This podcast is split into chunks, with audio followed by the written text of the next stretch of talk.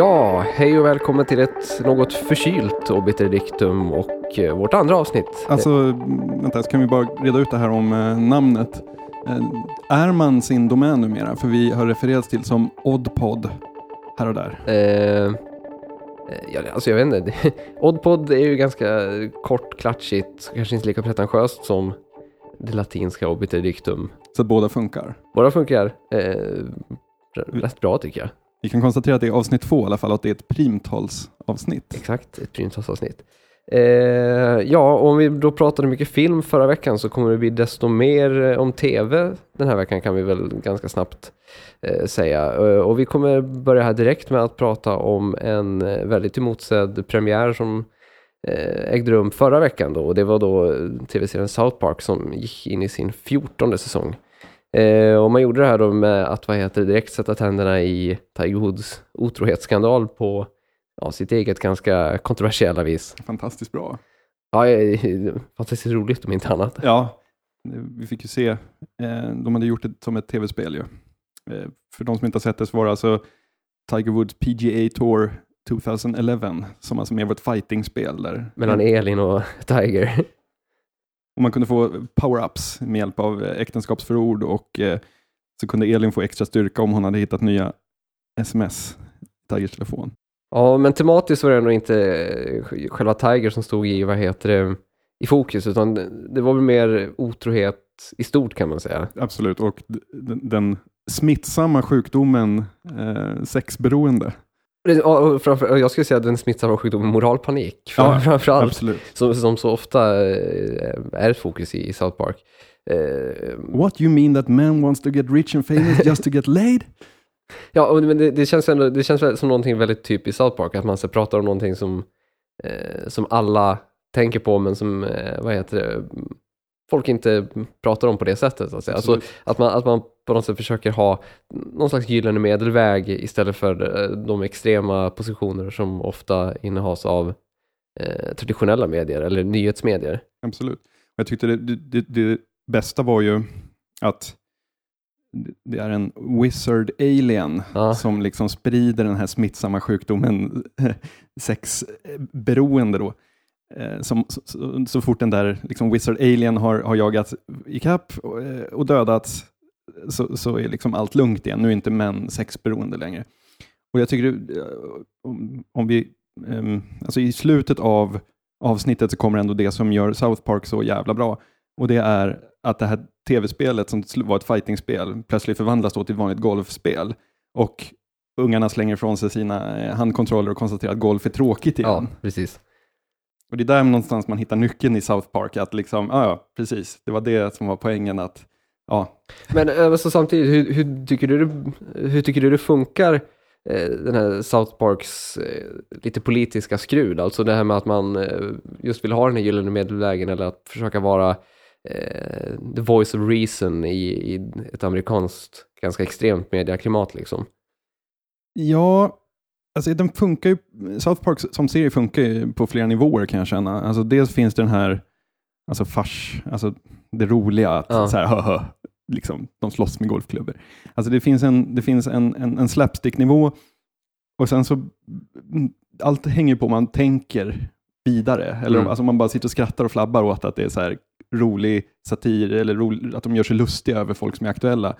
Eller om man börjar bena ut att för ofta, ofta är det ju så att de här fjärdeklassarna eh, i South Park ofta är de som har mest vett. Helt klart. Att, det är de som står för något slags sund, alltså, sunt förnuft. Vad det, och det, det, är också ganska symboliskt liksom att, ja men, ja, men just idén om att, men fan det här borde ju ett barn fatta. Ja, precis. Och det, ja, det, det, är ändå, det är ändå det som är, är en av eh, en del i framgångsreceptet. Alltså i och med att det är barn så kan du dels ha prutthumor och samtidigt, vad heter det, ha eh, någon slags naiv blick på, på eh, så här, rätt och fel som blir väldigt så här, eh, resonlig. Och jag tror att det är enda sättet man kan göra det på i det medieklimatet, alltså att förtäcka det till en, en, ett barnprogram med, med tecknade, dåligt tecknade figurer och liksom eh, väldigt svårt att se att man skulle kunna göra en Alltså exempelvis Daily Show som ändå är, som ses som någon slags så här, åh, det är, eh, han, han vågar så mycket och så vidare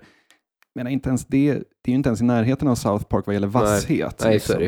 Och jag tror inte att en riktig person, alltså en, ett, eh, kött och blod, skulle kunna göra de grejerna som, som Trey Parker och de kan, kan göra i... Nej, men jag inte, samtidigt, jag kan ändå känna att South Park har en tendens att eh, i vissa fall förenkla saker li- lite, lite väl hårt. Alltså att Mm. man, vad heter det, att man, man- att man på något sätt eh, ibland utger sig för att det finns ett, ett jäkligt självklart svar när, när det kanske egentligen inte riktigt är, är så enkelt. Absolut. Alltså att man, att man på något sätt hela tiden håller en ganska eh, libertariansk eh, hållning och på det sättet hela tiden kan svära sig fri från, från det mesta och vara ganska så här, Ja, men man såg ju det, om inte annat, i Team America World Police Ja, också. precis. Alltså just den här, precis som du säger, så de, de gör det väldigt lätt för sig ofta.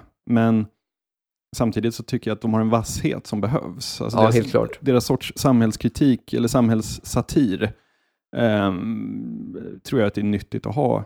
Sen kan jag ju vara ganska trött på South Park. Alltså 14 säsonger. Ja, Ehm, jag tycker att de kommer med två, tre avsnitt per säsong som är är helt bländande bra. det. Men det kanske inte funkar som eh, kontinuerlig kommentar. nej, men eh, alltså, behållningen är ju att, att den alltså, eh, lyckas hålla sig så pass aktuell. Det gör ju också, den har ett ganska, ga- de har ett ganska galet produktionsschema. Alltså, oftast så eh, är avsnitten klara två dagar innan de ska sändas. Alltså, då, de, ibland så, jag, kommer, jag läste en intervju med Trey Parker och Matt, Stone när de spelade in det här avsnittet efter att Obama hade vunnit. Eh, och då var det många som spekulerade att de hade så här, två avsnitt. Ett som de skulle sända om Obama vann eller ett om McCain vann. Eh, men det hade de då inte, utan de skrev då vad heter det, avsnittet på kvällen när Obama hade vunnit. Så, och, och, och då skulle avsnittet sjukt. sändas, vad heter det, två dagar senare. Så att de hann då på de där två dagarna hann de skriva klart till avsnittet, skicka iväg, då får det animerat och allting och sen sändas, vilket är egentligen helt sinnessjukt. Ja, jag menar en, en bugg i systemet Exakt. någonstans så är det kört. Liksom. Ja, eh, eh, härdsmälta i inspirationen så. Ja. så eh, Och det kanske man märker ibland, för vissa avsnitt alltså, osar ju härdsmälta i inspirationen. kanske, jo. Samtidigt som jag, är ganska trött på det och inte ser, jag följer det kanske inte så mycket som man en gång gjorde, så kan jag också sakna, alltså det finns liksom ingen form av satir i Sverige kan jag känna, som är riktigt bra. Nej, alltså, jag vet inte, en del kanske skulle argumentera parlamentet, men det är ju skrattretande i Ja. jämförelse med den udd som både Daily Show och Colbert Show har, Absolut. eh, om vi då pratar liksom politiskt, som då är ett rent politiskt odlade satirprogram, Mm. eh, så alltså, ja, parlamentet står ju inte särskilt, står ju inte särskilt långt liksom. Men jag är övertygad om att, eh, Snacka om nyheter fanns ju förut, det Ja. är kanske inte så jäkla bra heller. Men, alltså jag, jag är övertygad om att en sån som exempelvis Nour El Refai skulle kunna göra jättebra politisk helt satir. klart, helt klart. Eh, Det skulle kunna bli helt fantastiskt, men på något sätt så blir det så att när hon gör stand-up så går hon i, ner i liksom den svenska stand-up eh, eller vad man ska säga. Eh, Ja, och det känns som att man, alltså, i, i svensk satir eller svenska komedier överhuvudtaget så får man inte riktigt vara, eh, man får inte riktigt vara för smart heller. Alltså, Nej. Du, du, du- får ha vissa, vad heter det, intellektuella eller i alla fall intelligenta ambitioner.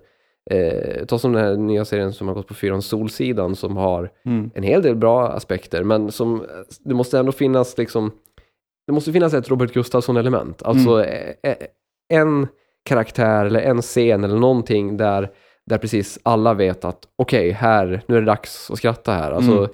Men det handlar väl mycket om att det här, alltså, man sitter ju ofta och gnäller, åh varför har vi inte den här tidningen i Sverige? Varför Mm. gör vi inte sådana här filmer i Sverige?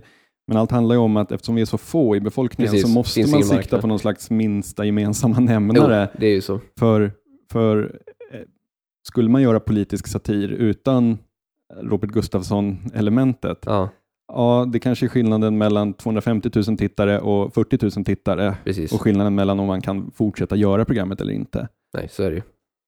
Eh, Men det är ändå konstigt att det inte sker på en, det kanske sker på en, på en liksom underground-nivå som man inte riktigt är i kontakt med. Ja, kanske. Men en annan Ni intressant får aspekt. posta kommentarer i bloggen om ni Eh, har eh, bra exempel. Ja, gärna. Men ett annat intressant, en annan intressant aspekt då det är också att, vad heter det, att i USA då är att flera tecknade serier är prominenta i, i just den satiriska humorn. Alltså jag tänker, du har dels då, som jag nämnt, South Park, men även eh, Family Guy, American Dad, American Dad är ett ännu bättre exempel, eh, vad heter det, The Simpsons, alltså som alla innehåller vissa satiriska drag. American Dad kanske ännu mer än de andra två.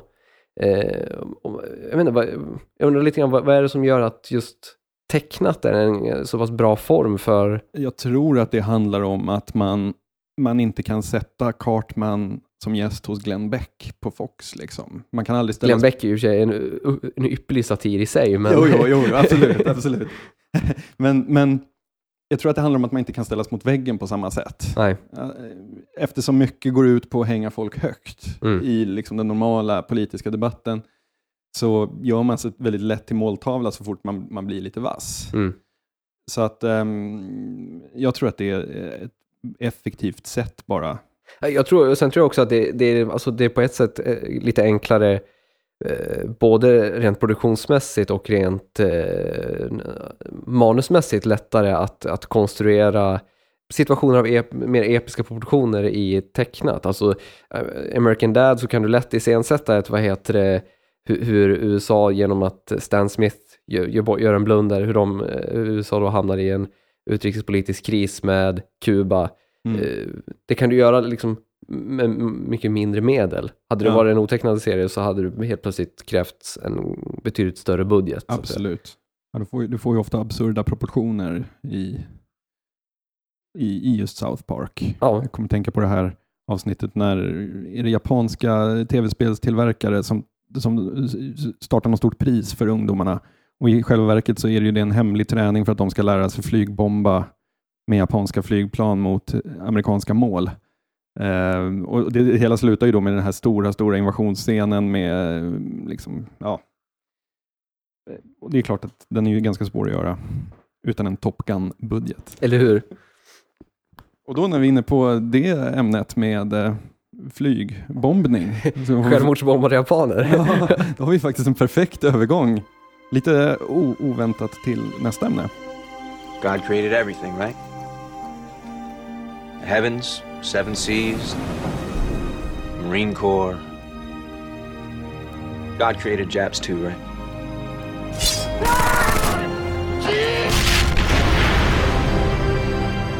Ja, vi ska nämligen fortsätta lite grann på någonting som vi eh, var inne på förra veckan, nämligen krig. Eh, Kul. Ja, ja, det är alltid roligt. Eh, och det är nämligen så då att eh, förra veckan så startade även då eh, den nya HBO-serien The Pacific som är en slags fristående uppföljare på Steven Spielberg och Tom Hanks hyllade drama Band of Brothers.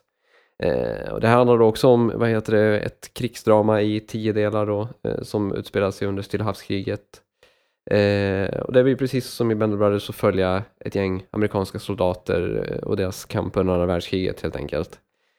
Eh, du har sett första avsnittet va? Yes. Eh, vad tycker du? Det är ju, det är ju väldigt gripande tycker jag. Alltså, oavsett om man vill ha känsloporr eller inte så, mm. så är det ju någonstans det. Introt är så fem minuter med stora stråkar och stillbilder på, på, på smutsigt smutsigt krig. Och, och till och med intervjuer med, med veteraner. Precis, precis. Som, som de gjorde i första Band of Brothers så har de ju använt veteraner som berättar sina historier och sen klipper de till, till det dramatiserade. Mm. Och eh, som alla vet så var ju Stilla havs eh, operationerna det handlade ju mycket, det gick ju först och främst ut på att ligga i djungler och vara smutsig och utsvulten och bli bombad på av japanska flottor. Och... Precis. Alltså det är ju inte, miljön är inte alltför olik Vietnamkriget. Nej. Den stora skillnaden här är ju då att eftersom att det handlar om andra världskriget så blir ju helt plötsligt hjälteaspekten tusen gånger större direkt Absolut. än om det hade handlat om Vietnamkriget. Alltså, eh, alltså redan från första början så fattar vi att det här är ju män då som vi ska beundra, som har liksom har eh, liksom The Men Who Freed the World helt enkelt. Eh, jag kommer, jag kommer till och med att, vad heter det, en av de här veteranerna pratar väl till, om, till och med om hur han, när han har kommit hem och vad heter det, blir bjuden på en taxiresa av en taxichaufför. Ja. Taxichauffören säger att ja, det är det enda ni får. Sjukdomar från eh, tidig kriget och gratis taxifärder liksom. Det är, men, men jag undrar där, alltså i ursprungliga Band of Brothers så var de ju väldigt väldigt noga med att poängtera att ja, men vi kunde lika gärna ha varit på andra sidan. Alltså de, de, de, de utmålar verkligen inte tysken som, som onda, alltså militärerna, fotsoldaterna som onda, utan det, det är först när de befriar första koncentrationslägret som de börjar liksom ta ut hämnd, eller vad man ska säga. Mm. Och jag undrar om den markant annorlunda tonen i The Pacific har att göra med att Band of Brothers var pre-9-11. Alltså, nu är ju faktiskt USA i krig. Mm. Ja, alltså framförallt så tror jag att det kan handla om eh, ett sätt, Eh, eller det, det, det handlar nog väldigt mycket om att liksom visa, eh, att fokusera stenhårt på de amerikanska soldaterna, alltså det klassiska supporter troops liksom. För här är det ju verkligen soldaternas kamp liksom, hur, hur soldaterna får lida för oss, alltså den fria världen och främst då amerikanerna i, i stort så att säga. Eh, och jag menar, vad heter det, första avsnittet fick man ju se då först amerikanerna hemma i, hemma i USA, se lite grann vilka, vilken bakgrund de kommer ifrån. Det finns ju den här, vad heter det, redan ganska omskrivna scenen med den här uh, fadern och sonen, som, där fadern kör Mm. sonen till eh, bussen. Mm. Eh, och sen märker man hur sonen desperat försöker få lite kontakt med pappan efteråt, men pappan är mer fokuserad på vad som krånglar med bilen. Sådär. Mm. Alltså det är på något sätt, det är liksom bäddat för att vi ska så här, äh, se att det här är en ung pojke som eh, mest av allt vill att hans pappa ska krama om honom och önska honom lycka till liksom, men, men egentligen inte kanske förstår. Det gick ju väldigt, väldigt fort. Alltså, Ja, från, från det att serien börjar tills dess att vi får se de första krig, krigsscenerna, alltså 25 minuter. Liksom. ja, Det tyckte jag var lite synd, för i första, eller i Band of Brothers, det är ju två olika serier, men i Band of Brothers så var det ju ändå så att det var tre avsnitt tror jag, när de först tränade hemma, sen flög till England och så Ja. blev invasionen inställd och så hängde de runt i England. Och det var mycket, det var uppbyggnad till det, man lärde känna karaktärerna, man Mm. förstod kamratskapet och så vidare. Jag undrar om de förväntar sig att man tar det för givet nu när man har sett den första, att de inte behöver bygga upp det här med grundträningen. Och, ja, lite grann kanske. Sen, sen tror jag också det handlar om att, alltså här får vi ju direkt eh, vänskapen mellan de här soldaterna serverad liksom. Det behövs inte byggas upp några band eller vi behöver inte lära känna dem överhuvudtaget för att de är redan kompisar liksom. Eller de blir det i alla fall väldigt, väldigt snabbt. Eh, Du, du nämnde det första, eller du nämnde Band of Brothers. En serie jag kommer att tänka på är eh, Generation Kill. Absolut. Där, där det snarare handlar om att det knappt blev något krig. Eller alltså, Ja. det var jobbigare att åka runt i, i den här bilen och vänta på att motståndaren skulle börja skjuta än det var att faktiskt skjuta sen. Ja. Eh, i, I The Pacific så är det ju lite annorlunda. I, i, I The Pacific så är det att det riktigt jävla jobbiga börjar när det är dags att börja skjuta japaner. Liksom. Absolut. Jag vet inte, på ett sätt, det kanske är jag som luras in i, i den här eh, dramaturgin, men jag kan ändå känna att den har ju, även fast den är mer hero än Band of Brothers var, så finns ju fortfarande den här extremt smutsiga bilden av krig i den. Det är ju inte Hamburger Hill eller eh, Örnästet eller någonting där Mm. man liksom skjuter ner 40 tyskar och sen liksom, i och för sig Hamburger, Hamburger Hill var ju faktiskt ganska vidrig, men, men de här hjältefilmerna från andra Ja, världskriget som gjordes på 50-talet Nej. och 60-talet, där var, man, där var ju det alltid under ledning av en cool fartygskapten som bombade liksom japanska ubåtar till, Mm. till botten och sen tände han en cigg och slog upp en whisky. Det- var väldigt mycket vilda västern. Precis.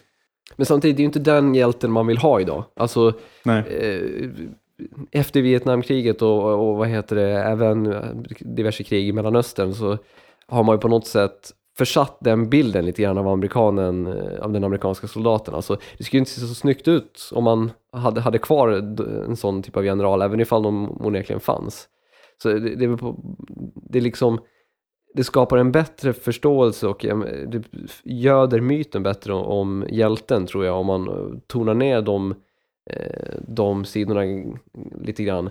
Eh, Nu har vi inte sett hela serien än, långt ifrån, men, men det känns ändå som att vad heter det, soldaterna hittills är ganska duktiga pojkar. Liksom. Absolut.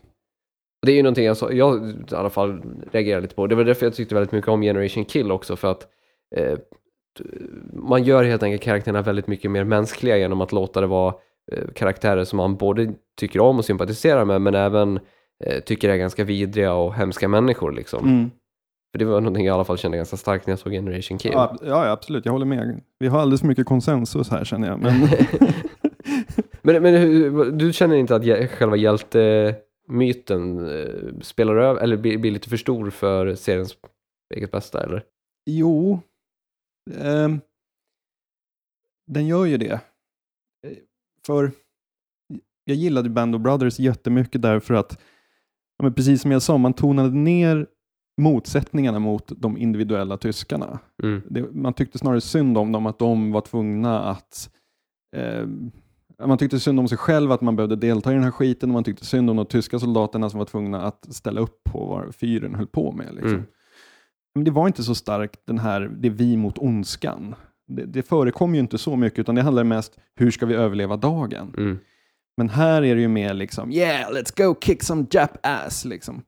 Och det, det är möjligt att det är en extremt realistisk skildring av, av hur det var, det betvivlar jag inte. Men jag tycker man överspelar på det. Jag hade fått sympati för dem och liksom li, lidit med dem, hoppats på deras bästa och tagit, mig till dem, tagit dem till mig utan den förstärkningen. Men hur tror du det spelar mot alltså, USAs nuvarande utrikespolitiska situation? Där man liksom, precis som här då under andra världskriget för krig på två fronter. Eh, under andra världskriget då här i eh, Stilla, Stillahavsregionen och även då eh, i Frankrike. Eh, och nu då har man ju Irak och Afghanistan. Precis. Och där, det, jag, jag tror att det är en av anledningarna till att den här är mer pompös. Eh, det, det är inte en propagandaserie på något sätt, men det är en serie både för, för de som ligger i fält och visa att de är en del av en lång tradition eh, av soldater som har varit ute och försvarat Mm. västvärldens värderingar.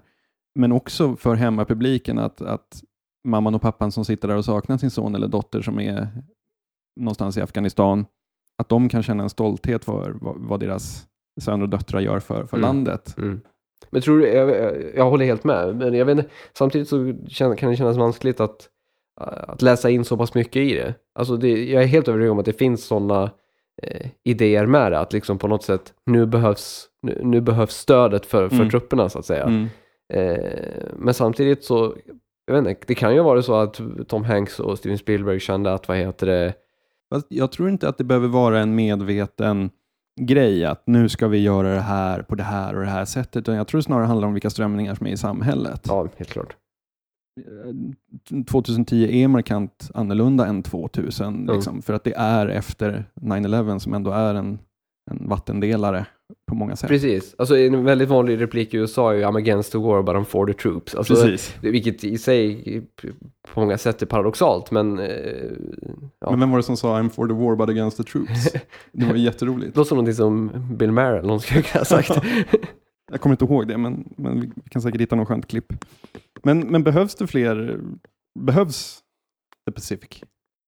alltså, jag skulle rent instinktivt säga att nej, absolut inte. Men, men samtidigt så kommer vi alltid ha fler, eh, vi kommer ju ha mer och mer, eller inte mer och mer, men vi kommer alltid få fler skildringar av andra världskriget just eftersom att det är, det är det sista riktiga kriget. Mm. Alltså det är det sista kriget där, vad heter det, där man, där man fortfarande kan spela på en slags polemik mellan eh, godhet och ondska. Eh, Och där där finns fronter. det finns fronter, eh, det är liksom man mot man som skjuter på varandra. Alltså det handlar fortfarande om att ta land och så vidare. Alltså det, det är ett, ett, en, ett gammalt sorts krig som, som inte längre finns kvar, men som man gärna vill, eh, vad heter det, förmedla en bild om och minnas på ett ganska så här, i ett ganska romantikens skimmer, romantiskt skimmer idag. Men det var väl redan mitten av 70-talet så hade väl den totala speltiden för filmer om andra världskriget hade väl övergått längden på andra världskriget. Ja. Det är ju en ganska tacksam, det är ganska tacksamt krig att skildra på film också. Man behöver inte etablera någon backstory, liksom skicka fram en kille i svart Gestapo-uniform så vet vi vad han står för. Och Precis, nas- nazisten är alltid den ultimata bad guyen Ja. i, i film liksom. plus att de har snygga uniformer. Väldigt snygga. Ja, och från blankpolerade stövlar så finns det ingen som helst naturlig övergång till nästa ämne. Vi ska prata om en artikel i Miller McEwn som handlar om eh, programmeraren och musikervetaren Dave Cope. Som eh, under på 80-talet så skrev han eh, ett program som han kallar för Experiments in Musical Intelligence, eh, förkortat EMMY, som stod klart 1987. Och det var skrivet i syfte att låta datorn eh, komponera musik, klassisk musik. Han hade gått en kurs för att lära sig skriva artificiell intelligens och analyserade sedan Bachs verk ner till minsta beståndsdel, matade in allting i datorn och fick datorn att göra nya Bach-verk. Och folk blev givetvis vansinniga, för eh, det här var en dator som imiterade klassiska kompositörer och spottade ur 5000 verk på en timme. Eh, och det gick inte att höra om det var Bach eller om det var eh, datorn. Så han försökte ge ut det här på skiva, men folk blev vansinniga och musikerna vägrade spela eh, på dem. Men nu så är han tillbaka med ett nytt program. För det var så Han frågade sig hur klassisk musik kunde överleva under så många hundra år och kom fram till att eh, den enkla slutsatsen är att ingen kompositör är, är or originell. Alla har hämtat inspiration och lånat från de som kom tidigare, även Bach och Mozart och Beethoven och de som ses som de stora genierna. Så med den eh, insikten så har han skrivit ett nytt program som, eh, där datorn, datorn tar alltså intryck från mängder av eh, ja, klassiska kompositörer helt enkelt och lånar olika grepp som de använder för att komponera helt, egen, eh, helt egna verk. Nya or, originella verk som inte bara imiterar stil men som är ny, ny musik. Och de som gillar klassisk musik är såklart vansinniga igen. Han har gjort sig ovän med alla verkar som de har läst den här artikeln jag, jag, jag har ärligt talat ganska svårt att förstå varför. Alltså, visst, jag kan på något sätt förstå idén med att, eh, att den här datorn på något sätt tar jobben eller vad man ska säga, alltså tar bort någon slags idé om en själ i musiken eller någonting sånt i och med att det inte är en faktisk människa som har komponerat den. Men alltså, eh, när jag tänker så finns det liksom två aspekter av det. Dels har det en aspekt av att man måste på något sätt inse att affektionsvärdet i musiken här ligger liksom i första hand inte hos vem som faktiskt har komponerat den utan det ligger faktiskt i, eh, hos lyssnaren när man hör det. Alltså, det, det är liksom ett klassiskt, eh, en klassisk idé inom, inom hermeneutiken liksom att texten, i det här fallet musiken, då, har liksom lika många innebörder som den har läsare, lyssnare. Mm. Eh, jag skulle säga att det är helt applicerbart i det här fallet. Alltså att eh, om det är en människa eller en robot som har skrivit det är egentligen totalt irrelevant. Men vad, känslan man får när man läser det som folk har sagt, det är ju på något sätt att de har suttit då under så många år och nördat ner sig i Bach eller Beethoven eller någonting.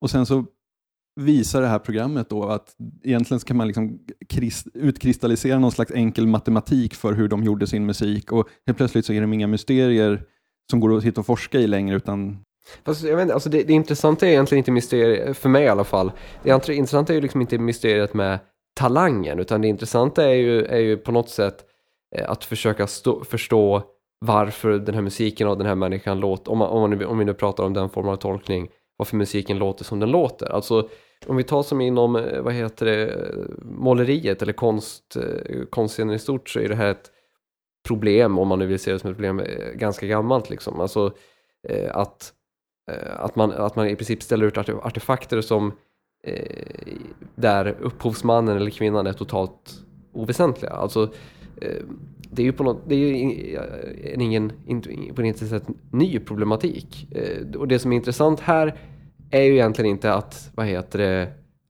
ja, att Bach var så fruktansvärt, eh, hade, var en så fruktansvärt stor talang vid så ung ålder det kan ju vara intressant kuriosa möjligtvis, men det som är intressant är ju varför Bachs musik låter som den låter. Mm. Och den, det har ju egentligen ingenting att göra med Bach som person. Nej.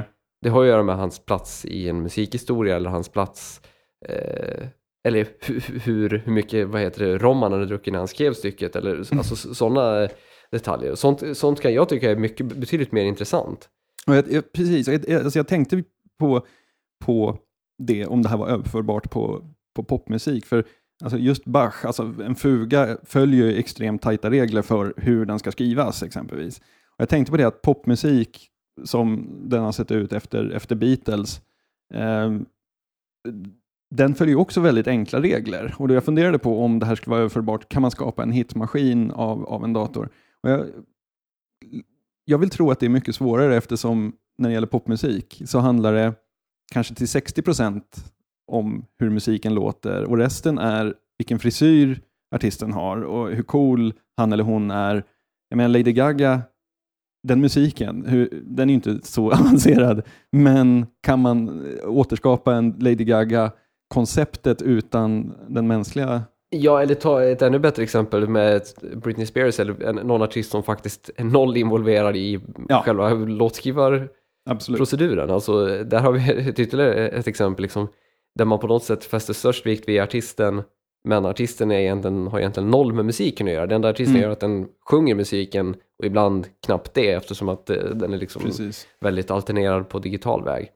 Och jag menar, eh, som du säger, populärmusik kan ju på många sätt, framförallt då den kanske mest kommersiella eh, populärmusiken, kan ju vara ganska tom vad gäller, alltså det, det känns ganska vanskligt att börja prata om själen i, själen i, i, Mm. i Christina Aguileras nya skiva eller någonting sånt. Eh, Så att jag vet inte om, om det är ett resonemang som, eh, eller resonemanget med, med, med datorn som gör musik är ju helt klart applicerbart på populärmusik i den meningen att det borde vara görbart. Mm.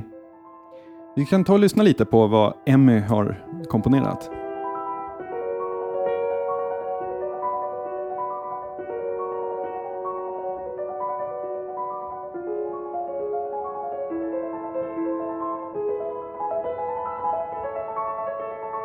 Vad, vad tycker du?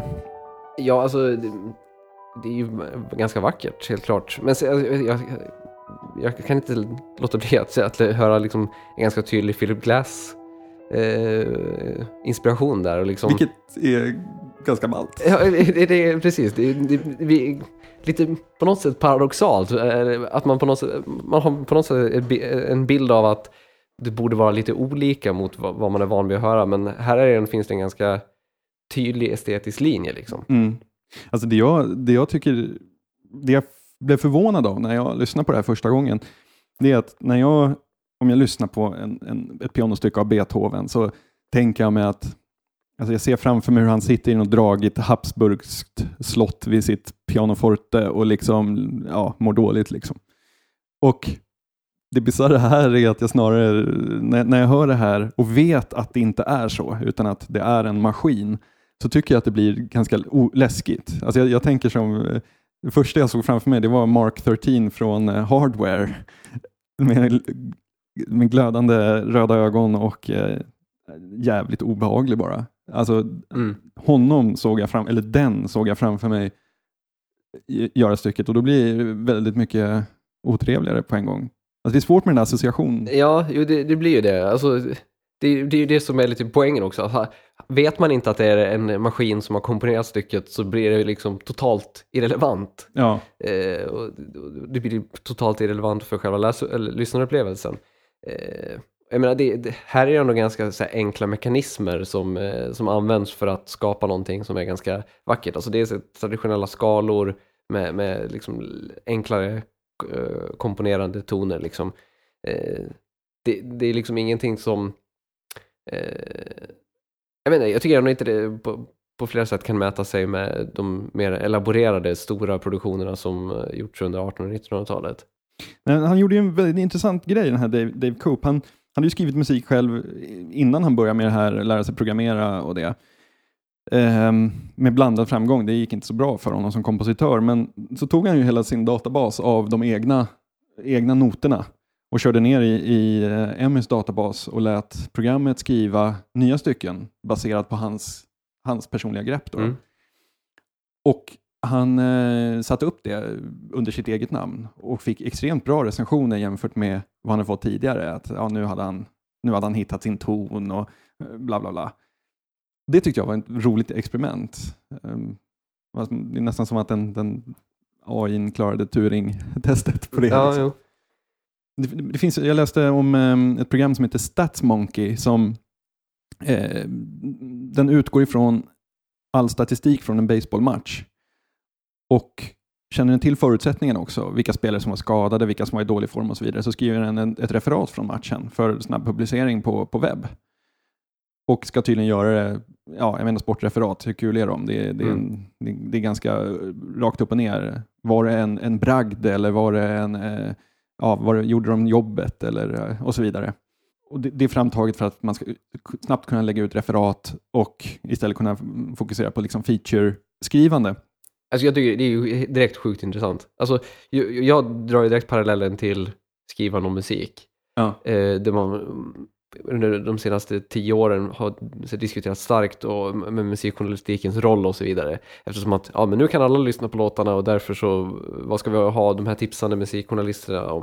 Och det är liksom på något sätt precis samma sak som du beskriver här att att journalisterna har spelat ut sin roll i det rent beskrivande skildrandet. Liksom. Det är som om New Order och Kate Bush möts ja, i Evangelis studio. Precis, det, det, är ganska irrelevant. Det, det som blir istället blir liksom eh, någon slags narrativ aspekt där, där journalisten måste vara den här som förmedlar någonting mer, alltså ha, ha någonting extra, någonting som gör det eh, läs, eh, som ger, ger ett läsvärde. Liksom. Jag, jag följde till exempel Per Bjurmans NHL-blogg ganska troget. Och jag menar, det är ju ofta helt fantastiska referat. Och det är ju då i princip rena referat eftersom att han, han eh, liksom inkorporerar helt andra saker än vad den traditionella sportjournalistiken tycker är intressant. Mm. Alltså han kan ägna större delen av rapporten om tredje perioden i matchen mellan Rangers och Ottawa mot att beskriva hur Grisolle, en frekvent eh, karaktär i, i bloggen, mm. sitter och gapar på en, ett Ottawa-fan i publiken. Liksom. Alltså, ja. det, det finns en Eh, Eh, det finns liksom en, en mänsklig känsla där för, för vad som är, är intressant att berätta. Det, det, det, liksom, det kanske inte var så intressant att berätta eh, att eh, Henke Lundqvist hade väldigt mycket att göra i målet den tredje perioden. Det är kanske roligare att prata om hur, hur Grisolle eh, skriker profaniteter till någon ung kanadensare. Liksom. Mm. Men om man går tillbaka till, till eh, grundproblemet här, att Bach och de Eh, plockas ner i några grundstenar som sen går att bygga upp på annat, annat sätt. Eh, är, är, det, är det att skända deras verk? Vad tycker du? Det, jag vet inte, vad tycker du? Jag har extremt svårt att ta ställning till det. För på ett sätt kan jag tycka, jag kan också känna så här, inte för att jag, jag bryr mig inte om de, de gubbarna på samma sätt som de här som går till attack mot Dave Cope, men på ett sätt kan man ju tycka att det är synd att, eller synd, det är fel ord, det är fantastiskt att en dator kan spotta ur, ur sig 5000 eh, sonater på en timme. Och Dave Cope säger i den här intervjun att han skulle kunna göra samma sak, bara det att det hade tagit extremt mycket lång, längre tid för honom. Med hans kunskap om hur Bachs musik funkade skulle han kunna skriva fake Bach sonater, bara det att han kanske skulle hinna med liksom 5-6 under sin livstid. Um, och Det är också en, det, det är en giltig poäng. Alltså det är klart att om, om, om syftet bara är att kopiera, så ja, då spelar det inte så stor roll. Um, men det är mer intressant det han gör nu när han skapar nytt original material. Ja, eh, det, det håller jag helt med om. Men samtidigt så liksom, eh, du kommer ju ändå inte komma åt eh, alltså relevansen i Bach eller, eller i Mozart eller vem som helst handlar ju mer om eh, att Bach eller Mozart skrev sina stycken när de gjorde och i den kontext de gjorde Absolut. än hur de faktiskt låter. Ja. Det, det, kan låta krasst för vissa men alltså, det handlar ju egentligen inte om någon slags inneboende sublim nivå i musiken. Nej. Eh, det, det, handlar ju väldigt mycket om tillfälligheter att de här styckena har blivit eh, alltså de här odödliga verken. Men eh, alltså, jag vill inte ta ifrån Mozart sin storhet på något sätt. Men samtidigt så Eh, samtidigt så är han ju fortfarande aldrig större än sin egen samtid. Alltså det är ju eh, det är som, eh, vad heter det, den franske sociologen Pierre Bourdieus klassiska fråga. Alltså, vem skapade existentialismen? Sartre skapade existentialismen. Vem skapade Sartre? Jo, Sartres föregångare. Alltså, mm. poängen är liksom att det, det, att varken Sartre eller Mozart är aldrig större än de som kommer före honom eller de som kommer efter honom. Nej. Och det är samma sak med, med musiken datorn skapar. Alltså, den får sin historiska relevans av hur den placeras i historien, inte av vem som har skrivit verket eller varför. Ja, när jag läste artikeln så kom jag att tänka på alla de gångerna man har suttit och skrivit någonting som är extremt förutsägbart att man ska skriva. Alltså det, det bara står Billy Rimgard liksom över eh, hela ämnet på något vis. Men man ändå måste känna sig, jag måste skriva en artikel om det här. Men så känner man samtidigt så här, gud vad jag är lätt att syna att, att, att man följer ändå några slags invanda mönster där man upprepar samma saker och sånt. Därför kanske det är lite eh, på sin plats att det är förutsägbart att eh, det här kommer. Ja, precis. Det har blivit dags för Obitidictums slutpunkt här med postscriptum. Eh, och jag hade tänkt börja med att tipsa om eh, en lite highbrow-grej, nämligen en dokumentär som gick i fredags på eh, K-special om konstnärinnan Cindy Sherman. Närmare bestämt hennes gamla pojkvän Paul Hasegawa Overacker och jag får väl be om, be om ursäkt för uttalet där. Men här, han har i alla fall spelat in en dokumentär då om sin tid tillsammans med Cindy Sherman som han har valt att kalla Guest of Cindy Sherman. Eh, och det är då en dokumentär som dels fokuserar på henne och hennes konstnärskap och dels då Eh, hur det är att vara tillsammans med en av världens största konstnärer och hur det är påfrestande för, för ja, ens egen identitet. Eh, det, är, det är en, en dokumentär som säger mycket, vill mycket. Eh, lite ojämn kanske, men helt klart intressant tittning. Den finns på SVT Play. Vi länkar här längre ner. Ja, och jag, mitt på skripten handlar om eh, designern Aristide Antonas som har eh, gjort ett arkitektprojekt där han eh, har lyckats lura ut hur vi ska bo efter apokalypsen och eh, han har alltså inrett tankbilar som hem.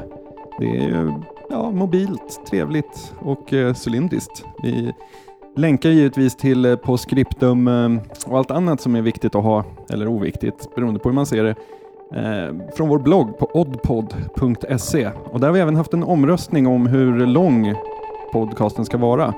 Vinnaren blev 30 minuter och det ser jag att vi har dragit över lite idag. Ehm, men å andra sidan så kom ju faktiskt tvåan, var ju 45 minuter så att ah, vi, vi, vi ser vad vi tar här. Vi kanske lägger det någonstans mitt emellan för att blidka alla viljor. Framtiden får utvisa. Precis. Och eh, med det så tackar vi för oss i detta primtalsavsnitt nummer två. Ja, eh, tack för oss.